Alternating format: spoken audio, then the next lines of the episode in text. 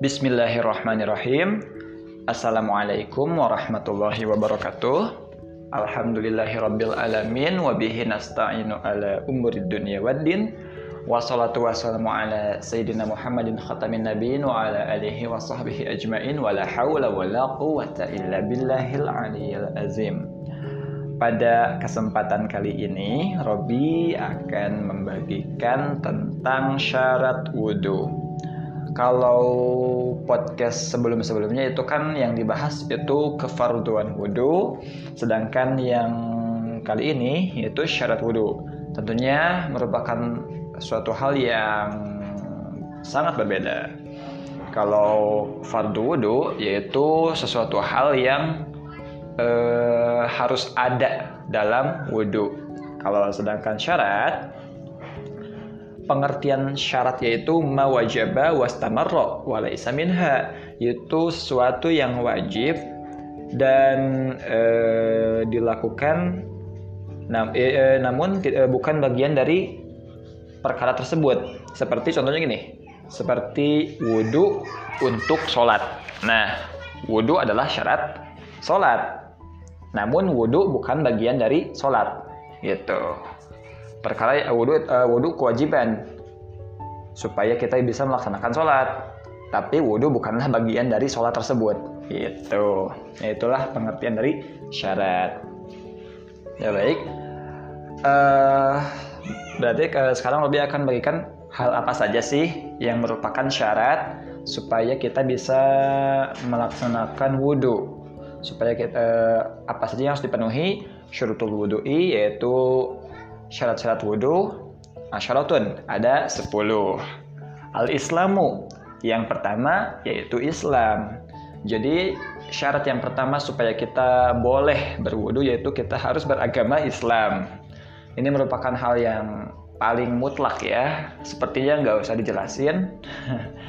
Tidak perlu apa ya penjelasan lebih lanjut kayaknya dipahami uh, wa syarat yang kedua yaitu tamyiz atau mumayyiz atau mandiri. Maksudnya sudah bisa membedakan hal yang baik dan hal yang buruk. Ya biasanya anak kecil ya tamyiz.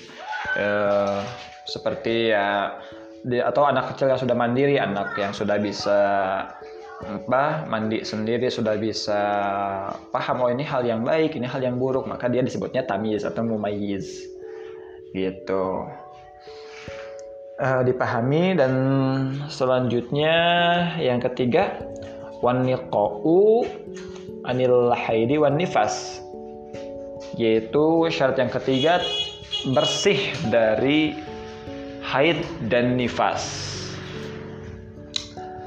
karena uh, yang namanya seorang perempuan yang sedang mengalami haid dan nifas berarti kan dalam kondisi hadas besar maka tidak bisa melakukan apa melaksanakan uh, maksudnya disucikannya ha, harus bersuci, uh, bersuci dulu dengan mandi besar atau mandi junub.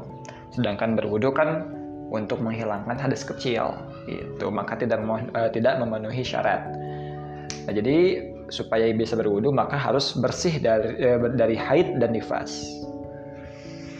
Uh, selanjutnya uh, wa amma yamna'u uh, wan niqa'u amma yamna'u wusulal ma'i ilal basyarah. Nah, syarat yang keempat yaitu terbebas dari hal atau sesuatu yang mencegah tepinya air kepada kulit. Seperti kalau misalnya dalam apa kulit tangan ada nempel stiker misalnya ya atau ya stiker tato atau apalah itulah ya. Dan si stiker itu mencegah air bersentuhan dengan kulit. Maka itu tidak memenuhi syarat. Gitu. Jadi uh, harus dihilangkan dulu stikernya supaya air bisa menyentuh kulit. Itulah mengapa uh, tato dilarang ya dalam Islam karena tato itu kan uh, si tintanya itu masuk ke dalam kulit atau berada di kulit sehingga mencegah si tato itu mencegah tepinya air kepada kulit.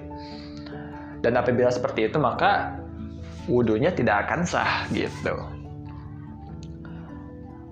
Jadi apa pun itu sih e, semua hal-hal yang menghalangi tepinya air kepada kulit harus dihilangkan dulu sebelum melaksanakan wudhu. Ada kotoran hilangkan dulu kotorannya, ada cat atau cat kayu atau cat tembok yang menempel di kulit hilangkan dulu catnya baru berwudhu. Dipahami sampai sini ya. Selanjutnya wa wa alla yakuna uh, wa alla yakuna 'ala al-udwi ma yughayyir ma yughayyirul ma'a jadi eh, pada anggota yang kelima yaitu syarat yang kelima pada anggota wudhu tidak boleh terdapat sesuatu yang merubah air. Contoh, eh, misalnya da, eh, dalam apa pada anggota wudhu seperti tangan. Di tangan kita ada obat merah misalnya ya atau betadin lah ya contohnya. Saat air menyentuh e, tangan kita maka air tersebut berubah warna karena tercampur oleh betadin atau obat merah tersebut. Maka e, itu nggak boleh gitu. Jadi sama. Jangan kalau yang tadi syarat yang keempat tidak boleh ada sesuatu yang mencegah tepinya air kepada kulit kalau yang kelima, tidak boleh ada sesuatu yang menyebabkan warna air berubah atau tidak hanya warna tapi semuanya berubah baunya atau rupanya berubah juga nggak boleh gitu. Contohnya simpelnya obat merah. Tapi eh, apa pun itu maksudnya apa pun itu yang dapat merubah air maka itu tidak boleh gitu. Tidak boleh ada pada anggota wudhu. Dipahami sampai sini? Juga uh, yang keenam wal ilmu bifardiyatihi. Uh, yaitu harus mengetahui fardu wudhu tadi ya apa? Fardu wudhu kan bisa didengarkan pada podcast podcast Robi sebelumnya. Ada enam ya niat membasuh muka uh, kedua tangan sampai siku lalu membasuh sebagian dari kepala membasuh kedua kaki sampai mata kaki dan yang terakhir tertib itulah kefarduan wudhu lebih Lengkapnya silahkan didengar di podcast yang sebelumnya. Jadi tidak sah berwudu apabila kita tidak mengetahui kefarduan wudu itu apa saja. Jadi uh, ilmu dulu baru amal ya. Yang ketujuh, uh, wa alla ya'taqida fardan min furudihi sunnatan. Tidak boleh mentekadkan salah satu dari kefarduan wudhu menjadi sunnah. Contoh kefarduan wudhu seperti membasuh kedua tangan. Itu kan hukumnya wajib ya. lantas kita uh, ini menganggap atau mentekadkan bahwa membasuh tangan itu merupakan sunnah. Maka itu tidak boleh. Jadi apa yang kita ketahui itu fardu tidak boleh ditekatkan menjadi sunnah.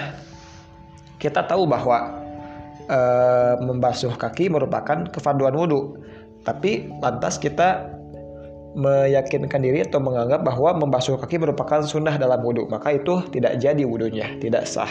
Jadi tekatkan bahwa yang fardu ya fardu, tidak boleh mentekatkan menjadi suatu hal yang lain. Itu syarat yang ketujuh, syarat yang kedelapan wal ma'u at-tahuru. Yaitu air yang suci. Jadi harus berwudu harus menggunakan air yang suci, juga mensucikan ya. Kalau bab air juga Robi udah bahas pada podcast sebelumnya soal bab air, silahkan didengar. Eh, jadi air tidak tidak tidak sekedar air yang suci, namun uh, air juga itu bisa mensucikan. Gitu ya. Selanjutnya yang kesembilan waduhulul waktu uh, yaitu masuk waktu bagi yang langgang hadas.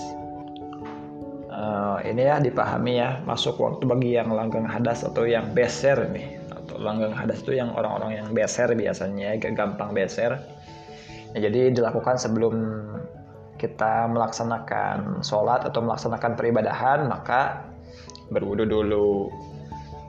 Ya, itulah eh, pengertian masuk waktu bagi yang langgeng hadas atau beser dan syarat yang terakhir syarat yang ke-10 wal mualatu wal mualatu lidah imil hadasi. Yaitu terus menerus antar anggota wudhu bagi yang langgang hadas. Nah biasanya kan uh, ada orang yang gampang beser, ada juga yang enggak ya. Jadi uh, kalau orang apa sekiranya orang itu gampang beser, maka diusahakan terus apa uh, apa ya? Jadi sebelum melakukan peribadahan harus berwudu dulu itu wajib kan biasanya kalau misalnya ada yang kita berwudu untuk sholat zuhur dan wudhu kita belum batal sampai masuk waktu asar. Maka saat melakukan sholat asar kita tidak perlu wudhu lagi karena kita masih punya wudhu. Tapi kan uh, ada sebagian orang yang uh, beser ya yang langgeng hadas maka uh, berwudu terus menerus itu wajib. Jadi nggak bisa dawam wudhu gitu loh. Berarti sampai uh, dipahami ya berarti ya hmm, berarti udah cukup hanya 10 itulah dia 10 syarat yang harus diketahui supaya kita bisa melaksanakan wudhu Nah ini penting juga untuk diketahui karena barangkali uh, dalam keseharian kita dalam pelaksanaannya kita tidak memenuhi syarat-syarat tersebut. Maka mulai dari sekarang kalian sudah tahu, silahkan diaplikasikan. Mari kita sama belajar uh, sama-sama belajar untuk mengamalkan ilmu juga menyebarluaskan ilmu uh, Robi berkata seperti ini bukan berarti Robi orang soleh, orang yang baik. Robi juga masih penuh akan kekurangan, namun mari semoga dengan podcast ini bisa memperpanjang dan memperluas kemanfaatan ilmu yang Robi punya. Uh, perbanyak lagi referensi dari sumber-sumber yang lain. Mohon maaf bila banyak kekurangan. Akhir kata, kami ucapkan terima kasih. Wassalamualaikum warahmatullahi wabarakatuh.